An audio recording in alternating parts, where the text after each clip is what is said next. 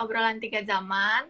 Uh, di sini kita ini adalah um, semacam suatu program gitu ya, di mana kita akan ngobrolin topik-topik menarik, uh, mostly mengenai kehidupan dan uh, semua ini based on experience kita, experience tiga orang dari tiga zaman yang berbeda-beda. Nah makanya uh, kita ambil itu dari uh, menjadi judul program kita lah namanya obrolan tiga zaman karena kita semua dari zaman yang berbeda-beda. Ada yang dari tahun 70-an, ada yang tahun 80-an dan saya 90-an karena paling muda ya. nah, um, topik obrolan kita pada malam hari ini uh, judulnya adalah ah dasar ABG. Nah, kira-kira yang di sini uh, bisa nebak-nebak nggak ya? Uh, isi dari obrolannya apa sih? Kalau misalkan judulnya ah dasar ABG.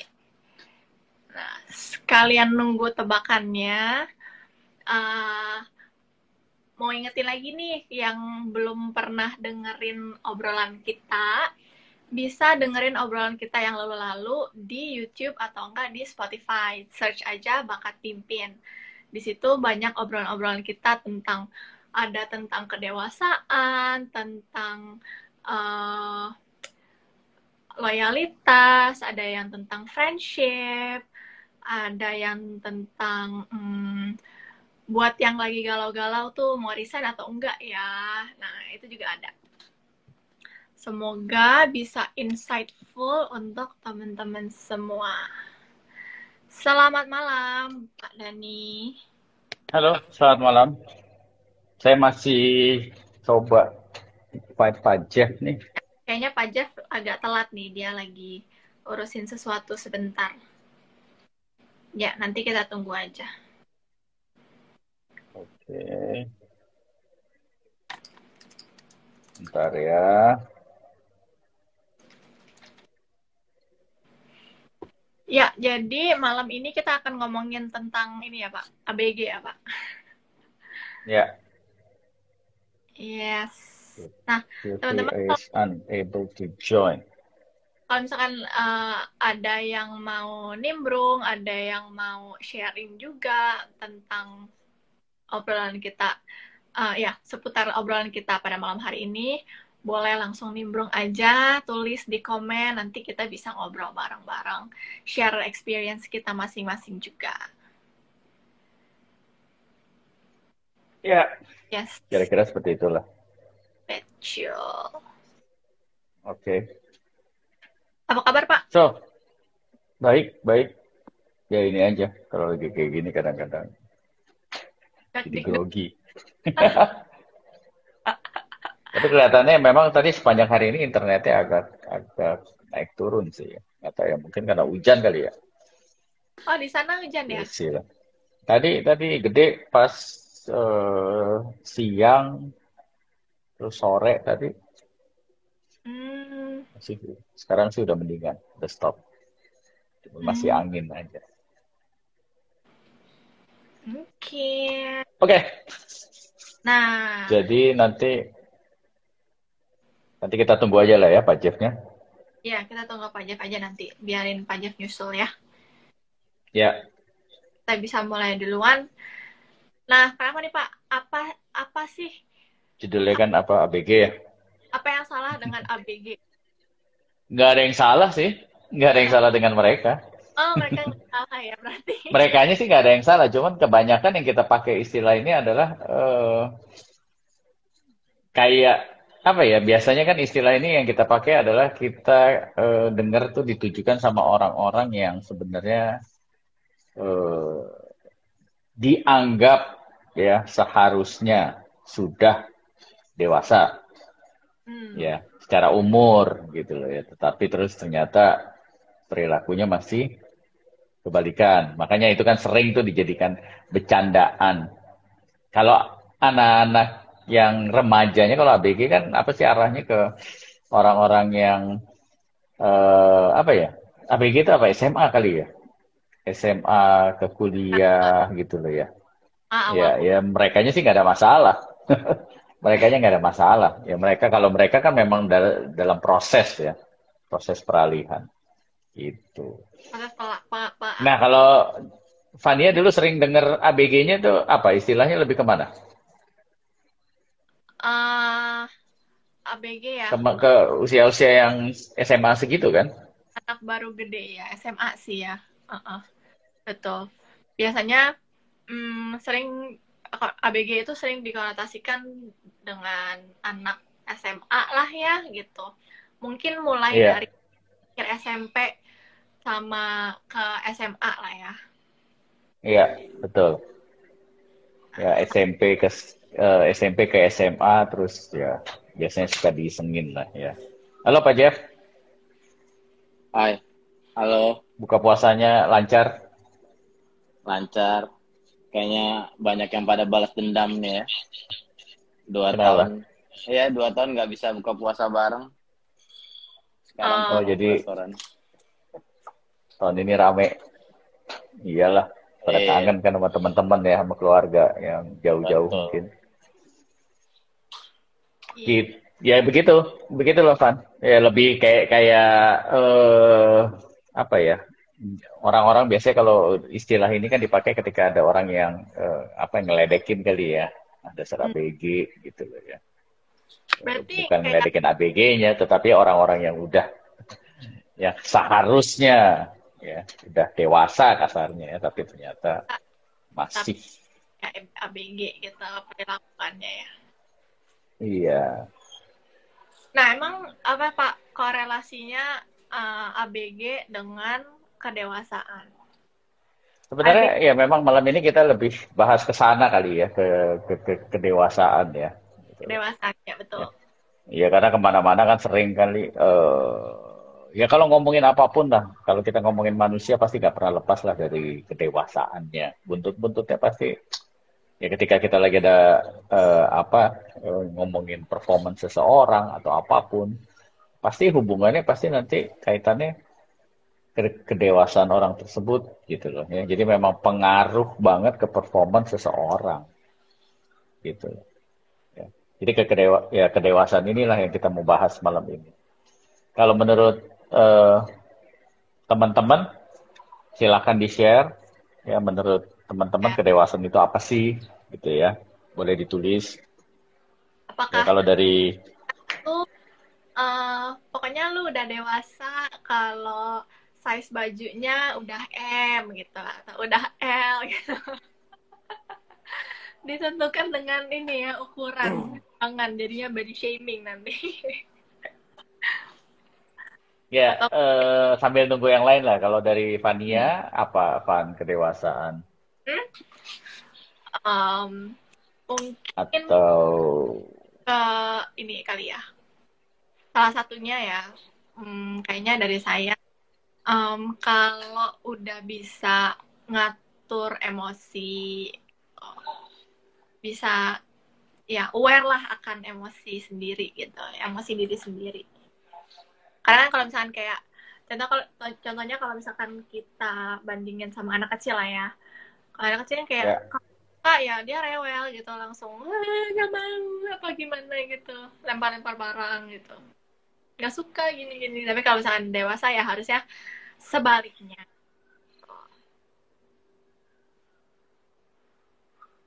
ya ya tapi penting menurut kamu seberapa penting sih kedewasaan itu dalam kehidupan seseorang?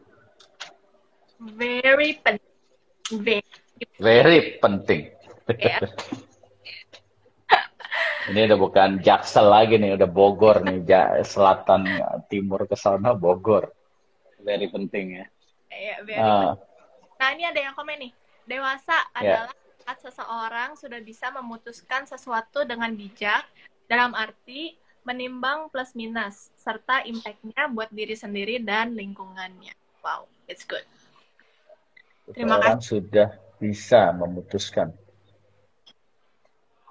sesuatu dengan bijak dalam arti menimbang plus minusnya serta dampaknya, impactnya. Ya. Yep. Buat diri sendiri dan lingkungannya. Ah, saya suka banget tuh.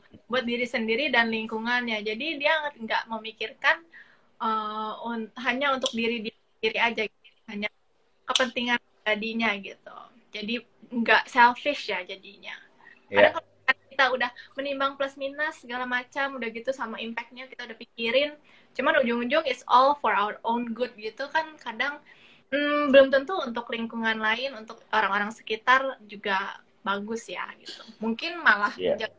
merugikan lingkungan sekitar gitu kan it's not good juga ya iya yeah, iya yeah. kayak kemarin tuh gue sempet ngeliat sedih sih ngeliatnya sedih banget ya, jadi uh, apa di ini apa namanya di tol apa ngambil bayar tiket loh bayar tiket e-tol ya kan terus nah. uh, ngambil tiketnya terus di jalan. Mobilnya super keren. Ya, mobil Eropa lah ya. Begitu uh, jalan dikit ya kan? Terus nggak lima nggak lama toto dia lempar keluar tiketnya ke jalanan. Oh, gitu kan?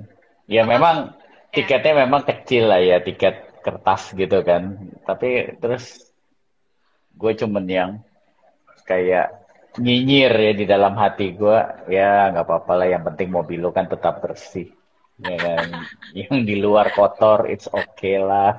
Dalam hati gue ya gue geleng-geleng kepala aja gitu. Ya itu di dalam hati lah. Gue nggak omongin. Orangnya cuman ya menurut gue nggak tahu. Kan gue dari belakang. Mobil gue kan oh. di belakangnya dia gitu loh. Setelah mobil dia kan mobil gue gitu. Cuma pas gue udah lewat palangnya terbuka terus gue lewat ya kan mulai deket terus dia lempar sesuatu yang ya perkiraan gue itu tiket kertas kecil ya gitu Yeah. Cuman buat gue ya menyedihkan lah ya. Ya itulah kedewasaan menurut gue, ya kan. Kayak tadi dibilang ini kan buat diri sendiri dan lingkungan ya. Dia kan mikirnya yang penting mobil gue aja bersih. Nah kalau Pak Jeff gimana Pak kedewasaan? Oke. Tadi bukan kepalanya nggak botak kan yang buang sampah di tol tadi ya? uh, saya nggak memperhatikan sampai saya nggak peduli sih. nggak kita ada di cari-cari tahu. Uh. Kita ada di pintu tol yang sama ya. Kalau kalau gue pribadi ya, kalau gue ngeliat uh, supaya lebih gampang mencerna dan gue juga lebih gampang ngomongnya tuh buat gue dewasa ini lebih ke respon ya dewasa ini lebih ke respon entah itu berupa tindakan atau action maupun perkataan ya. Kalau kita ambil contoh secara harfiah ya kayak tadi Fania bicara gitu. Kalau kayak anak-anak kan ketika dia nyampein responnya tuh yang grumpy, nggak terstruktur, kemudian sesuatu hal yang dia lihat dia langsung respon gitu. Nggak di nggak ditelah dulu nggak di nggak dicoba dianalisa dipikirin terus nggak ya itu tadi sama halnya juga tadi pendapat si si Amelia ya. Jadi impact dari respon ini nih akan berdampak ke lingkungan dan ke diri sendiri tadi ya. Jadi sebagai dewasa ini boleh dikatakan ya sebuah respon yang yang keluar berupa tindakan perkataan hasil dari itu tadi pola pikir dan mindset yang bijak ya. Tandanya semua belum tentu semua hal yang masuk lewat ya lewat matanya atau lewat kupingnya itu harus selalu direspon. Ada kalanya kedewasaan itu menahan respon tadi juga gitu. Jadi boleh dikatakan ini sebuah proses yang sifatnya responsif dari yes. diri manusia yang akhirnya tertular dari tindakan sama perkataan. Itu sih menurut yeah. pendapat gue. Yeah. Maka, makanya, makanya kan sering banget tuh kalau kita dengar gila ini anak ABG banget sih. Kalau zaman zamannya gue ya generasi gue kan ABG bilangnya ambegan ya. Dikit-dikit ambek, dikit-dikit ambek gitu. Dikit-dikit ngambek katanya. Jadi kalau ABG itu lebih kesingkatan kayak suka ngambek gitu. Nah itu kan salah satu respon anak-anak yang kalau misalnya keinginannya tidak dituruti, ya akhirnya dia ngambek gitu loh. Sedangkan hmm. seorang yang dewa guling-guling ya, tantrum. sedangkan si sedangkan orang yang dewasa ini kan nggak bisa. Kadang ekspektasinya nggak sesuai akhirnya dia harus menerima kenyataan yeah. dibanding ekspektasi nah ini kan dewasa makanya juga dewasa itu makanya ini ada satu pertanyaan juga yang harus kita jawab ya. Yang yang gue juga masih harus tanya nih ke lu berdua nih. Dewasa ini bergantung sama umur nggak sekarang pertanyaannya? Jangan-jangan ada anak yang ABG baru 14-15 tahun tapi pola pikirnya ternyata dewasa gitu. Memungkinkan nggak hal-hal seperti itu terjadi? Soalnya banyak juga kayak kayak tadi kejadian padani ya. Orang naik mobil dia bayar tol sampah dibuang keluar ini kan sebenarnya respon respon yang bisa ya, dikatakan betul. ya respon yang bisa dikatakan orang yang lihat kan akhirnya jadi ngeluarin ini orang nggak dewasa banget gua udah bisa udah seusia itu masih buang sampah gitu lebih egois maksudnya lebih mikirin mobilnya yeah. bersih dibanding jalanan yang yang bersih gitu yeah. gitu yeah.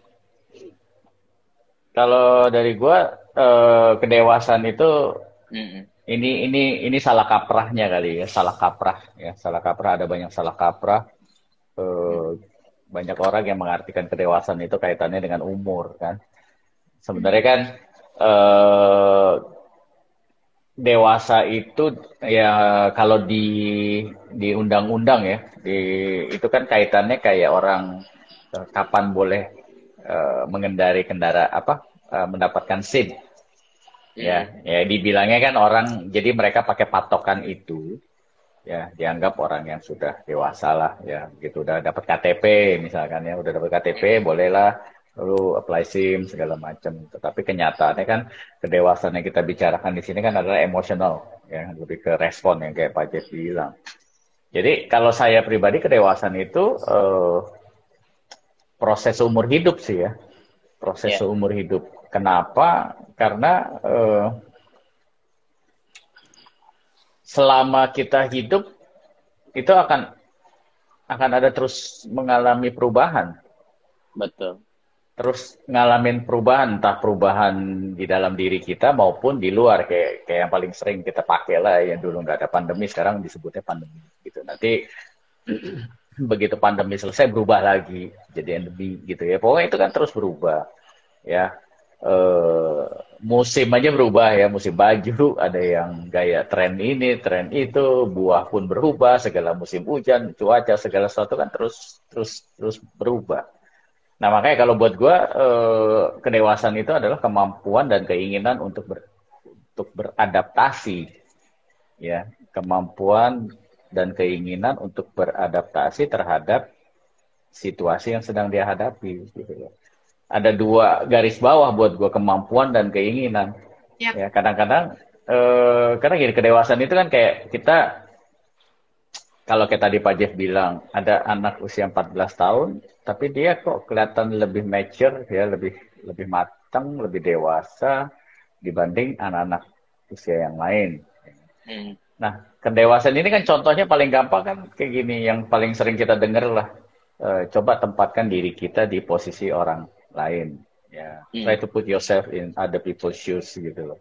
Nah, ketika ada anak-anak yang sudah berusaha ya kan dia mau mencoba menempatkan dirinya di posisi anak yang lain ya kedewasaan dia tuh lagi diproses gitu loh ya nah ketika dia sudah mampu ya kan sebenarnya gini kalau orang mampu menempatkan diri gua nih misalkan mampu coba deh dan coba tempatkan diri lu kayak di posisinya Fania gitu kan uh, gua bisa gua mampu gitu loh tetapi kan masalahnya gue ingin apa enggak. Nah di sini kan kadang-kadang orang nggak ingin gitu, padahal dia mampu gitu. Ya coba deh, lu tempatkan diri lu di posisi dia. Ya bisa, tapi gue nggak mau gitu loh. Makanya di situ kan egoisnya, ya kan bermain gitu loh. Nah, makanya tadi gue bilang balik lagi ya ini proses umur hidup ya. Jadi kemampuan kita kita harus mampu ya kan untuk uh, untuk mencoba ya kayak sekarang lah menempatkan diri kita di posisi orang lain kan kita harus mampu. Sehingga keputusan respon kita kan bisa lebih bijak. Makanya bisa jadi lebih bijak karena kita mencoba memakai perspektif yang berbeda.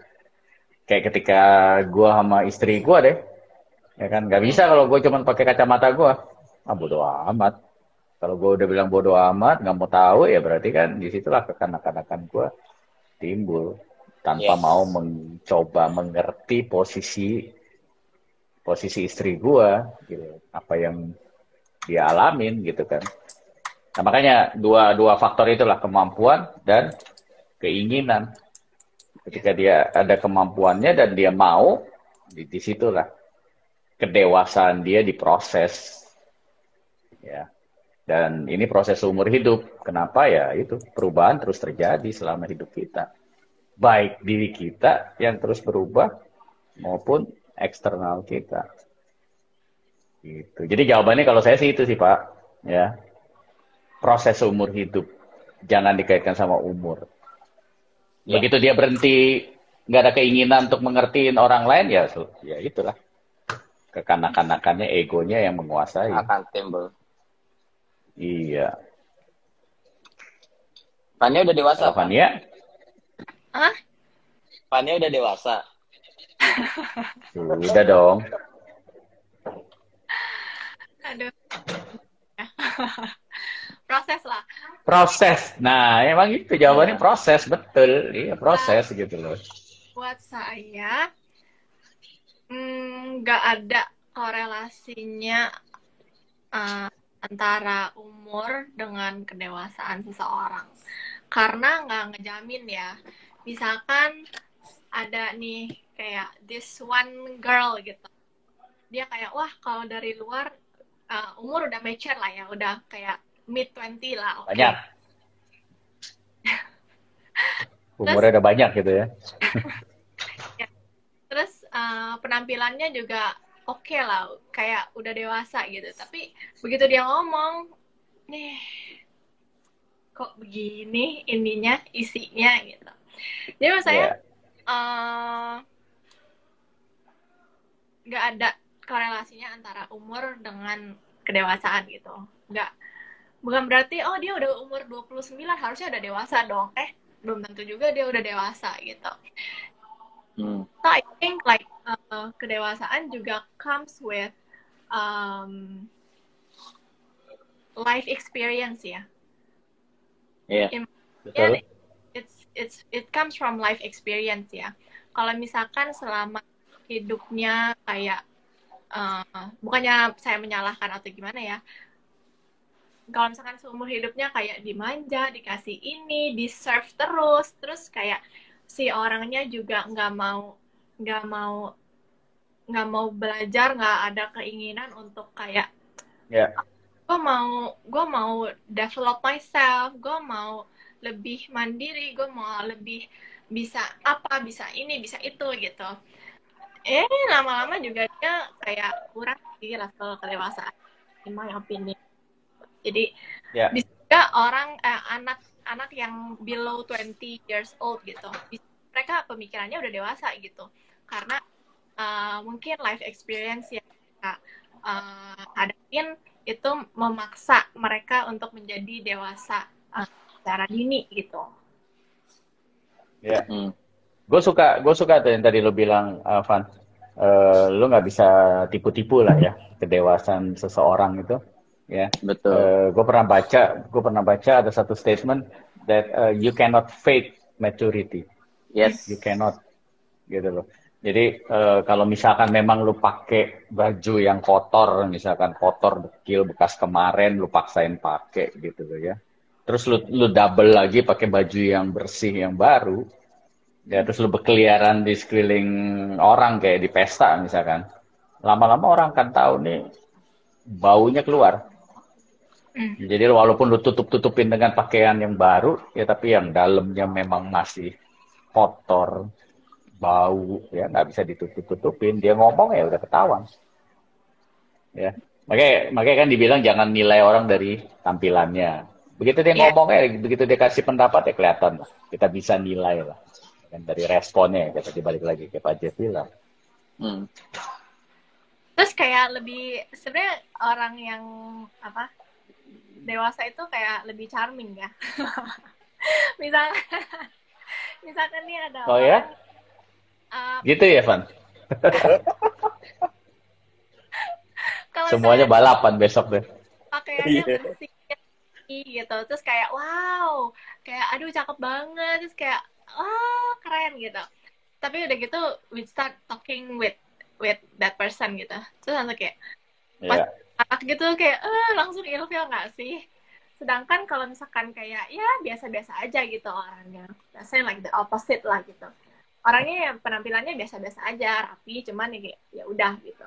Tapi ya then like when we start talking to that person terus kayak uh, dia uh, bawanya bagus banget terus uh, apa cara caranya juga sangat baik gitu kayak terstruktur langsung langsung kita kayak wow padahal dia kayak penampilannya kayak biasa aja rapi tapi ya standar lah gitu. Ya kan jadi kayak lebih charming gitu. Loh ya gitu deh. Yakin jadi, lo? kalau yakin tuh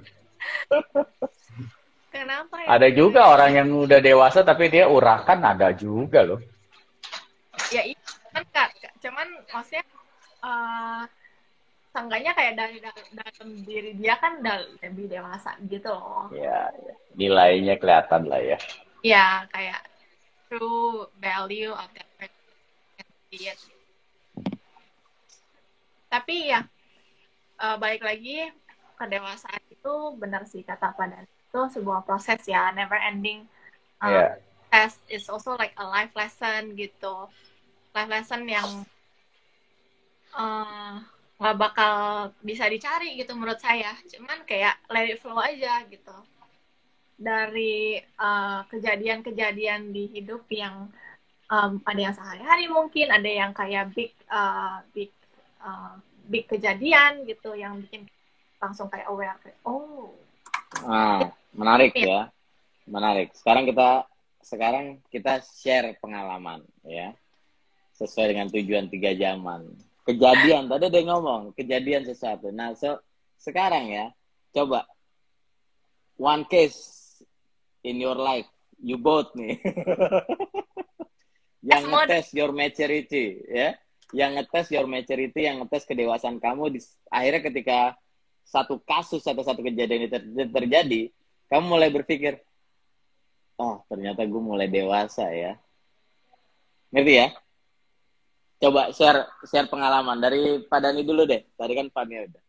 Sekarang Pak Dani. Jadi maksudnya pengalaman kejadian yang uh, menyadarkan kita bahwa menyadarkan kita oh ternyata respon gue udah mulai agak dewasa atau mulai ada perubahan ke arah dewasa. Karena kan tadi kan kita bilang ini proses seumur hidup. Proses yeah, pelajaran yeah. seumur hidup ya, proses menganalisa, pelajaran, respon yang kita latih dan proses, kita pelajari seumur yeah. hidup. Nah, nah sekarang ada nggak proses satu uh -huh satu kasus ya dari pengalamannya Pak Dani dulu, setelah itu nanti pengalamannya Fania yang akhirnya ada ada sebuah statement dari dalam diri, dari state mind dari dalam diri yang bilang kayaknya gue udah mulai dewasa deh. Kayaknya gue udah mulai agak mature okay. deh. Kayaknya Ini pas mulai dewa, lebih dewasa ya, bukannya lebih wah kayaknya gue dewasa. malah belum deh. Oke. Okay. Uh, eh, satu hal ini uh, dalam hal membuka jendela mobil Nah, aneh kan? Iya, iya. Jadi, coba. jadi gue kalau nyetir uh, ada momen gue yang gampang kesel. Jadi kalau udah kesel disalip lah, dipepet lah gitu kan, terus gue gampang sekali buka jendela, terus menceratkan kata-kata yang yang tidak patut dicontoh ya, ya, gitu ya, ya, ya, ya, ya, ya. ya, ya. Wah itu gampang banget lah gitu. Jadi uh, eh, gue banyak berubah itu ketika mulai punya anak. Hmm. Ya, ketika mulai punya anak gitu loh. Jadi uh, terutama pas di mobil ya ada bini gue. Ya. Bini gue tuh kalau udah ada kejadian kayak gitu, suara dia cuma ngomongnya satu jangan buka jendela. dia cuma bilangnya jangan buka jendela. Udah, nggak usah diladenin, jangan buka jendela. Gitu. Ingat di sini ada anak-anak gitu. ya, jadi uh, terakhir gue buka jendela gue udah nggak tahu, udah udah lama kali ya, udah udah dua tahunan lebih kali ya gitu. Jadi itu di situ yang gue suka kalau inget momen itu gue suka senyum-senyum sendiri lah. Oh, lumayan ya, gue udah nggak. Iya keselnya sih masih lah ya, keselnya manusiawi sekali gitu ya, masih kesel. Tapi udah nggak buka jendela gitu, jadi udah lebih menghindar lah, udah lebih menghindar yang kayak gitu-gitu. Ya, biar buat gue itu ya oke okay, kedewasaan gue lebih lebih baik lah, lebih bisa menahan emosi kan kayak tadi gue bilang itu kan kemampuan ya untuk hmm ya kemampuan dan keinginan. Ya gue mau sih ya kan? Gue mau lah. Siapa sih yang pengen cari ribut ya kan kira-kira? Tapi kadang-kadang kan meledak spontanitas itu kan kadang-kadang ya eh, kalau kita gak niat mencoba mengendalikan akhirnya dibiarkan terus kan. Ledakan-ledakan itu dibiarkan terus. Gitu loh. Dan istri gue pakai strateginya begitu bahwa dia ngingetin gue bahwa ada anak-anak nih. Ya kalau lu berantem terus lu menang ya ya puji Tuhan tapi kalau lo kalah gimana nih? Istri sama anak-anak di mobil kan kira-kira gitu. Kan konyol lah bodoh lah itu tindakan yang bodoh lah. Gitu. Itulah momen gue sekarang kalau buka jendela ya buka jendela buat nyapa. Ya pak malam pak gitu. Sekarang buka jendela buat bayar parkir doang. Bener sama itu juga. Hah, kalau saya sih uh, lebih ke mungkin ngerespon orang ya. Kadang kan saya lumayan emosian gitu ya. yeah. begitu orang udah ngomong yang kayak wah gila nih orang bikin pokoknya bikin gue kesel gitu. Pasti kalau misalkan respon pertama tuh langsung pengen dibalesin dong kayak nih ya gitulah pokoknya di dibalesin. Cuman uh, waktu itu akhirnya saya cuman diem aja karena saya mikir kayak oke okay, there's no point lu ngebales dia dia juga emosi jadi whatever you're saying to that person dia juga nggak bakal masuk ke otak yang ada dia cuman balas dengan omongan untuk oh hanya, hanya untuk menampis perkataan lu. Jadi itu sih kayak hold back hold back the words lah. They are coming from my mouth gitu karena terus saya belajar juga uh, not giving a reaction is also a response jadi respon itu nggak selalu suatu omongan, suatu action, suatu ya suatu omongan action is not nggak selalu seperti itu gitu. Tapi begitu kita diem pun itu juga sebuah respon sih buat saya. Betul. Jadi kayak sebenarnya ya and I realize this ya. Kalau begitu misalkan uh, things started to escalate gitu ya mulai kayak panas gitu. Terus instead of kita ngebales itu orang dengan omongan lagi yang kita juga emosi gitu kita diem aja we decided to just uh, shut up gitu. Itu sebenarnya juga kayak ngeredam emosi kita loh. Kayak hmm. jadi jadi ketahan lah. Mungkin kita udah emosi levelnya segini gitu. Kalau misalkan kita balas dia kita jadi nggak tahu ya jadi lebih deg-degan kan. Apa jantungnya lebih berpacu dengan lebih cepat gitu. Kita lebih emosi lebih mungkin bisa naik segini gitu emosinya. Yeah. tapi kalau misalkan kita uh, diam gitu udah deh lu diam aja tenang udah nggak usah di nggak usah dijawabin. Mungkin it will stay like this atau enggak turun sedikit gitu soalnya kayak oke okay, lebih lebih kalem lah gitu. Iya benar. Gitu. Ya. Salah yeah. satunya it's quite a big lesson untuk yeah, yeah. tapi kadang saya mikirnya jadi kayak uh, ah rugi-rugiin emosi gue aja gitu. Betul betul. Ya, betul. mati sakit jantung. Merusak mood kita Kenapa aja pada pengalaman juga yang yang baru baru-baru terjadi? Baru-baru terjadi ya? Ya nggak tahu ya, mungkin setahun terakhir. Yang baru aja lah ya. Yang baru sih pasti pasti COVID ya. Oke. Okay. Uh, eh, kalau yang merasa diri mulai agak berubah ya hampir sama sebenarnya Pak Dani. Kejadiannya juga masih di Jagakarsa juga tuh, masih dekat puskesmas ya. Ada satu momen mobil itu hampir, hampir loh ini belum ketabrak, hampir ketabrak sama truk. itu itu gue sampai keluar mobil gue keluar mobil truknya gue gue suruh turun semua dan ternyata kan di situ ada tiga ada tiga ada tiga orang ya supir sama dua kenek gitu tiga ya turun gitu tiga tiga turun tapi ya gue langsung ngambil alat langsung ngambil alat pas gue nengok ke mobil gue liat muka anak gue yang dua tahun udah biru di situ gue baru sadar ya ampun kok nggak berubah berubah ya dari kuliah dari SMA jiwa tawuran gak hilang-hilang ya.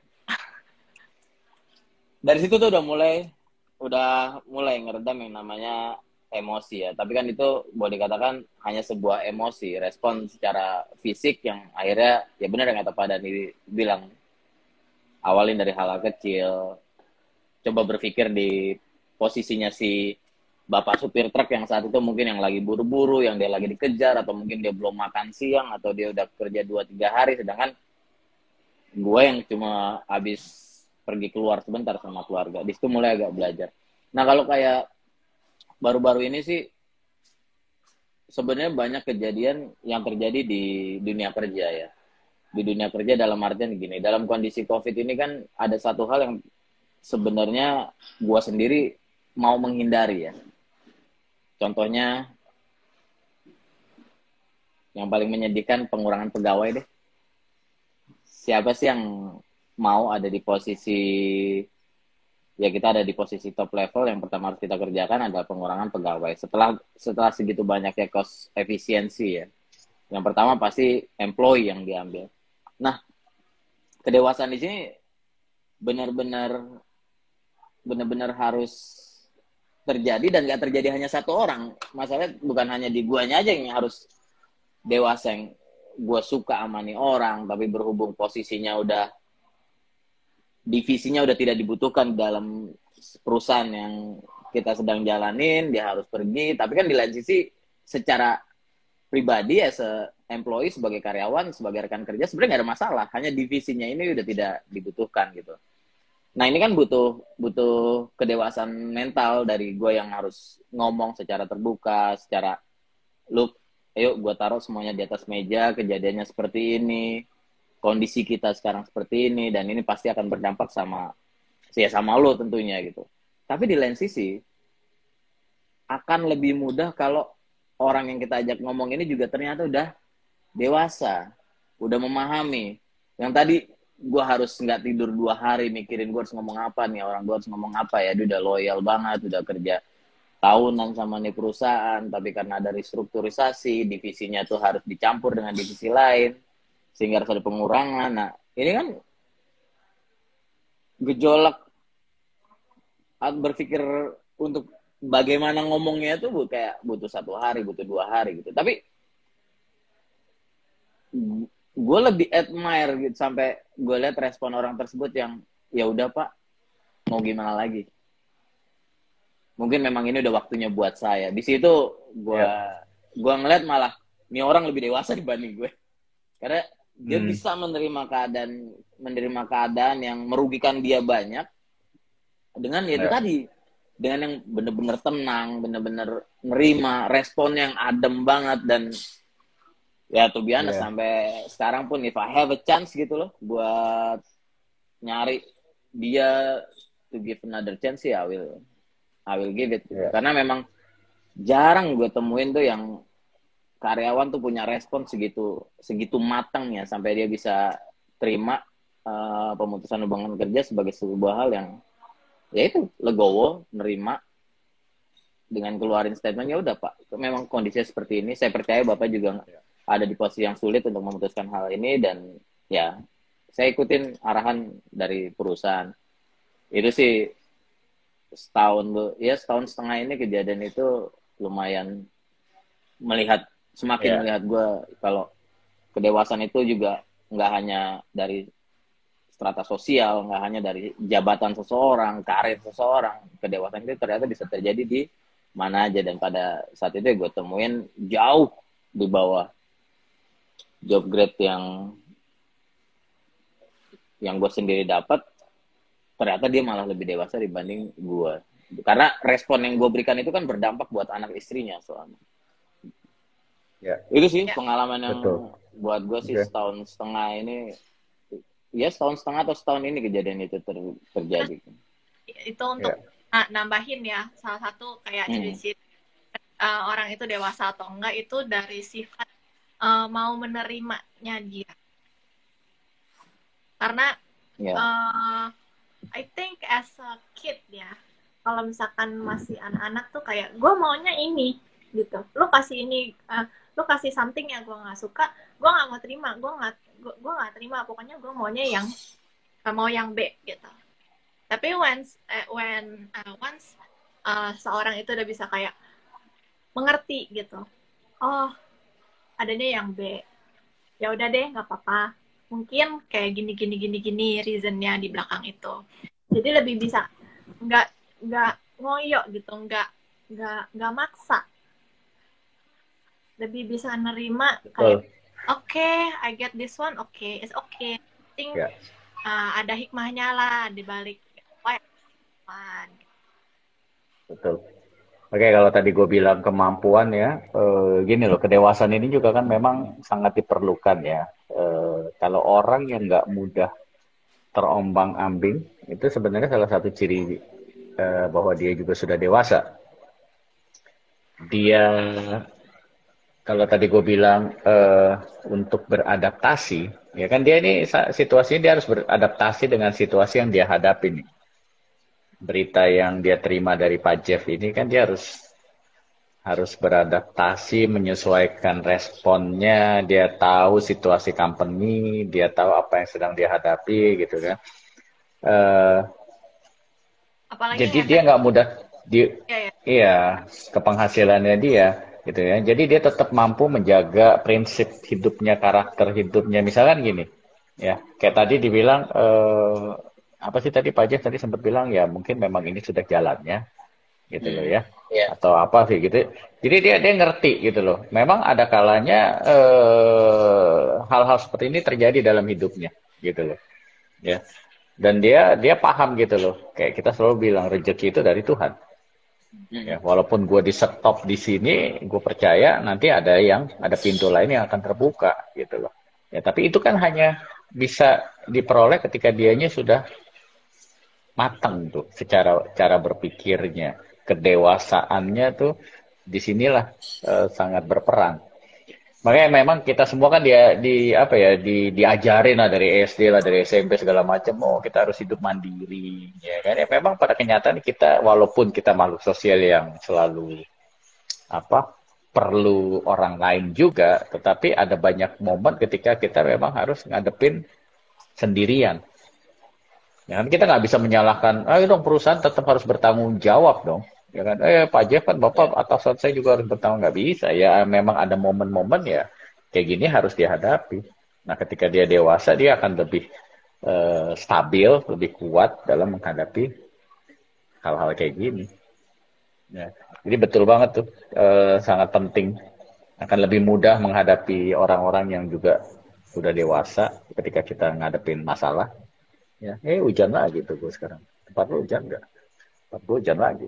Ini juga hujan. Nah pak terakhir.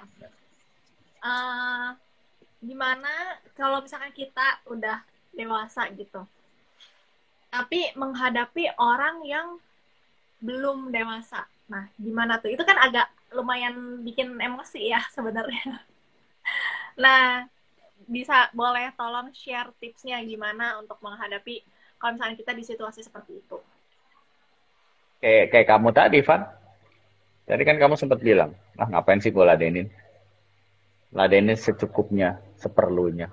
Ya, kita tetap jaga dia, maksudnya eh, jangan kita lecehkan lah, ya kan? Kita jaga kehormatan dia, gitu, harga diri dia maksudnya ya.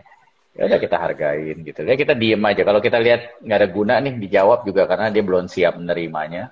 Ya. Hmm. belum siap artinya pemikirannya belum nyampe gitu ya. Atau ya dia memang nggak mau nggak mau nggak mau tahu. Ya pokoknya pendapat gue bener. Ya kalau kita ngelihat udah eh, tanda-tanda ke situ ya ya udah hindari aja. Karena kan kedewasaan itu kan nggak bisa dipaksakan ya.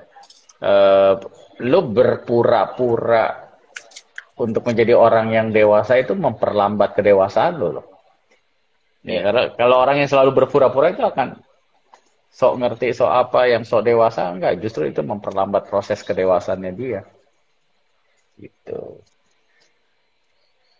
Ya tipsnya ya kitanya yang harus uh, pandai melihat membaca situasi ya. Karena kedewasaan nggak bisa dipaksakan. Kalau dia belum ingin makanya tadi gue bilang keinginan. Kalau dia belum ingin ya nggak bisa itu sih dari saya nggak tahu kalau di Pajak mungkin berbeda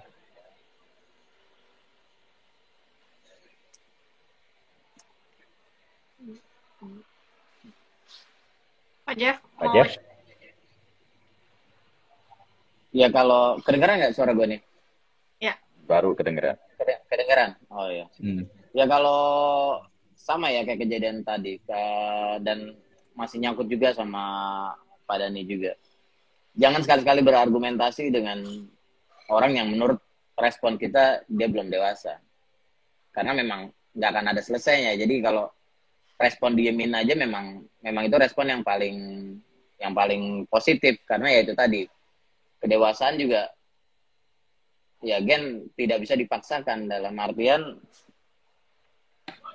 harus ada keinginan dan harus ada kemauan dulu dari orang tersebut untuk merubah merubah sifat-sifat kekanak-kanakannya ke arah dewasa tadi. Jadi bisa dikatakan dalam artian tuh dalam artian ya hal yang paling yang paling positif adalah kata cuma katakan iya dan anggap apa yang jadi apa yang dia kerjakan ya benar. Karena ketidakdewasaan itu dia menunjukkan sesuatu yang menurut oh banyak orang itu nggak benar tapi menurut dia sendiri itu adalah sesuatu yang dibenarkan gitu jadi ya bisa dikatakan nggak nggak bisa kita respon. Karena nggak datang dari dirinya ya. datang iya, nggak usah diladenin iya. lah kasarnya iya iya iya. Oke thank you pak. Ini ada pertanyaan dari Amelia. Percaya nggak sih kedewasaan iya. itu erat kaitannya dengan keyakinan spiritual? Gimana pak Jeff? Percaya nggak kedewasaan itu erat kaitannya uh, dengan kedewasaan eh dengan keyakinan spiritual. Spiritual. Nggak selalu ya. Nggak selalu. Karena banyak juga banyak juga contoh-contoh ya. Nggak banyak ya. Tapi tetap ada contoh. Walaupun walaupun walaupun satu dua tapi memang terjadi di lingkungan bisa jadi tuh harus kita jadikan acuan juga ya. Ada orang yang ibadahnya rajin ya yang ibadahnya rajin yang uh, pokok hubungan dia horizontal ke atas boleh dikatakan bagus ya. Tapi di lain sisi dia nggak dia nggak memahami keadilan tadi. Jadi karena pemahamannya pemahaman tentang agamanya bagus, akhirnya dia coba pergi dari satu provinsi ke provinsi lain untuk menyebar untuk ini menyebarkan dakwah ya, menyebarkan dakwah. Tapi di lain sisi keluarganya nggak dijaga, keluarganya nggak dikasih nafkah. Dia mungkin berpikir yang akan memberi nafkah keluarganya adalah Tuhan. Tapi dalam waktu tiga bulan si keluarga nggak nggak punya nafkah apa pun, sehingga si keluarga ini harus ya si istri ini harus coba yaitu tadi dia harus mencari uang sendiri, dia harus mencari nafkah sendiri. Di lain sisi dia masih ada anak dan si suami ini yang agamanya bagus, dia tetap keliling untuk berdakwah tanpa ya itu tanpa tanpa adanya keadilan untuk si keluarga. Jadi jika secara spiritual dan kedewasaan dijadikan sebuah garis lurus, kayaknya agak kurang karena masih ada oknum-oknum yang belum bisa bersikap adil, belum yang bersikap okay. bisa belum bisa bersikap seimbang antara yeah, okay. itu tadi spiritual sama social life-nya gitu. That's okay. my thought. Oke, okay. thank you Pak. Kalau Fania? saya belum jujur aja Iya, iya. Oke. Okay. Nggak apa-apa. Ya udah, uh, percaya gak sih kedewasaan itu erat kaitannya dengan keyakinan spiritual? Kalau mungkin kaitannya uh, dengan kedewasaan spiritual kali ya, bukan dengan keyakinan spiritual. Mungkin ya, kalau gua mungkin akan uh, mengganti pertanyaannya dengan kedewasaan spiritual. Ya sama lah, kedewasaan itu kan akhirnya pada saat uh, pada akhirnya akan menyangkut pada bagaimana dia memahami sesuatu. Ya, bagaimana dia memahami sesuatu itu akan sangat berpengaruh dengan uh, bagaimana dia nanti mengaplikasikannya, gitu loh. Tetapi uh, semakin dewasa dia memahami uh, apa yang dia pelajari di dunia apa kerohaniannya, spiritualnya, ya uh, betul menurut gua, gue setuju itu akan juga mempengaruhi perilaku kedewasaannya dia. Gitu. Jadi menurut gua ada kaitannya, ada kaitannya. Uh, tapi seperti yang kalau tadi Pak contohnya Pak Jeff ya, mungkin saya ambilnya kayak gini.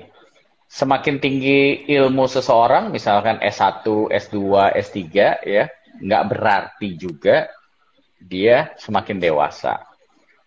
Ya, jadi semakin banyak tinggi ilmunya seseorang belum tentu itu menunjukkan kedewasaannya dia. Karena sekali lagi kedewasaan itu akan dilihat dari perilaku tadi Pak Jeff sudah sebut di awal, respon. Ya, tergantung dari bagaimana dia merespon. Ya, jadi mungkin pengetahuan agamawinya nggak tinggi-tinggi banget, tapi justru dia bisa apa uh, berperilaku uh, yang dewasa gitu loh. Ya, jadi kalau saya lebih ke situ sih ya. Uh, jadi ya. tinggi rendahnya pengetahuan seseorang itu nggak menjamin kedewasaan orang tersebut lah. Gitu. Ya semoga ini menjawab ya. Uh, ya. Sebentar lagi habis waktunya. Kesimpulan? Ya. Uh, kalau saya kasih kesimpulan, ya seperti yang tadi saya bilang, kedewasaan itu adalah kemampuan dan keinginan seseorang untuk beradaptasi terhadap situasi yang dihadapi. Lalu kesimpulan kedua, kedewasaan itu adalah pilihan, ya. Dan ketiga, kedewasaan itu adalah proses seumur hidup. Ya, nggak bisa dipaksain. Ya, jadi jangan pernah merasa, oh gue udah dewasa nih, belum tentu. Ya, terus proses kedewasaan kamu. Karena ego kita berjalannya waktu terus semakin tinggi Kan yang kalau kedewasaan yang dilawan kan adalah ego. Ya, itu aja kalau dari gua. Next silahkan Fania atau Pak Jeff kesimpulan. Pak Jeff boleh? Gue dulu. Oh, gue dulu ya. Uh, ya buat gue itu kedewasaan ini sebuah proses dari pengalaman yang kita selalu ambil nilai-nilainya atau dan hikmah-hikmahnya. Kemudian kedewasaan ini juga momen di mana kita mulai belajar dan berpikir kalau ada kalanya ketika orang lain memberi pendapat, mungkin pendapatnya benar. Jadi ketika ada sebuah masukan, ketika ada sebuah pembelajaran, di hati kita dan di pikiran kita tuh bisa ber, ber, ber bukan berasumsi ya, tapi bisa berperspektif kalau wah mungkin pendapatnya benar. Sehingga proses listening kita bisa lebih clean, bisa lebih clear tanpa harus adanya respon untuk menjawab atau respon untuk berargumentasi. Jadi kedewasaan itu juga merupakan sebuah respon dari tingkah laku perbuatan manusia yang yang sinergi antara pikiran, hati dan perkataannya maupun tindak tanduknya. Jadi more itu sih menurut pendapat gue tentang kedewasaan. Ya. Ya, Fani ya. Ya, uh, dewasaan itu uh, dengan uh, kemampuan kita untuk mengontrol emosi ya. Dan juga menerima. Uh, kayak Pak Jeff tadi bilang itu, kalau misalkan kita berargumen dengan orang, terus argumennya sangat oposit, uh, mungkin kita bisa terima aja dulu. Kita terima dulu jangan langsung ditempis jangan langsung di halah apaan tuh? gitu. Cuman kita terima dulu mungkin kita kita pikir secara kritis oh mungkin dia ada benarnya juga. Di sisi yang ini dia benar tapi mungkin di sisi yang ini kurang benar gitu jadi lebih lebih uh, mungkin bisa dibilang juga lebih lambat untuk uh, bertindak ya jangan gerasak gerusuk gitu jangan uh, impulsif lah gitu. So that's it. Gak kerasa obrolan hari ini seru. Thank you, yeah. semuanya. Thank you semua yang ya. udah standby. Yuli, Amelia, thank you banget. Thank you ya. banget. Udah dengerin kita dari awal sampai akhir. Yang belum sempat yeah. kita, uh, secara full bisa dengerin kita di YouTube dan di Spotify. Nanti akan diupload hari Kamis. Uh, sementara waktu bisa nonton kita di IGTV ya. Langsung cek aja di Bakat Pimpin, langsung bisa dengerin. Oke. Okay. Yuk semuanya. Thank you. Sampai jumpa dua Senin lagi. Bye-bye. Bye.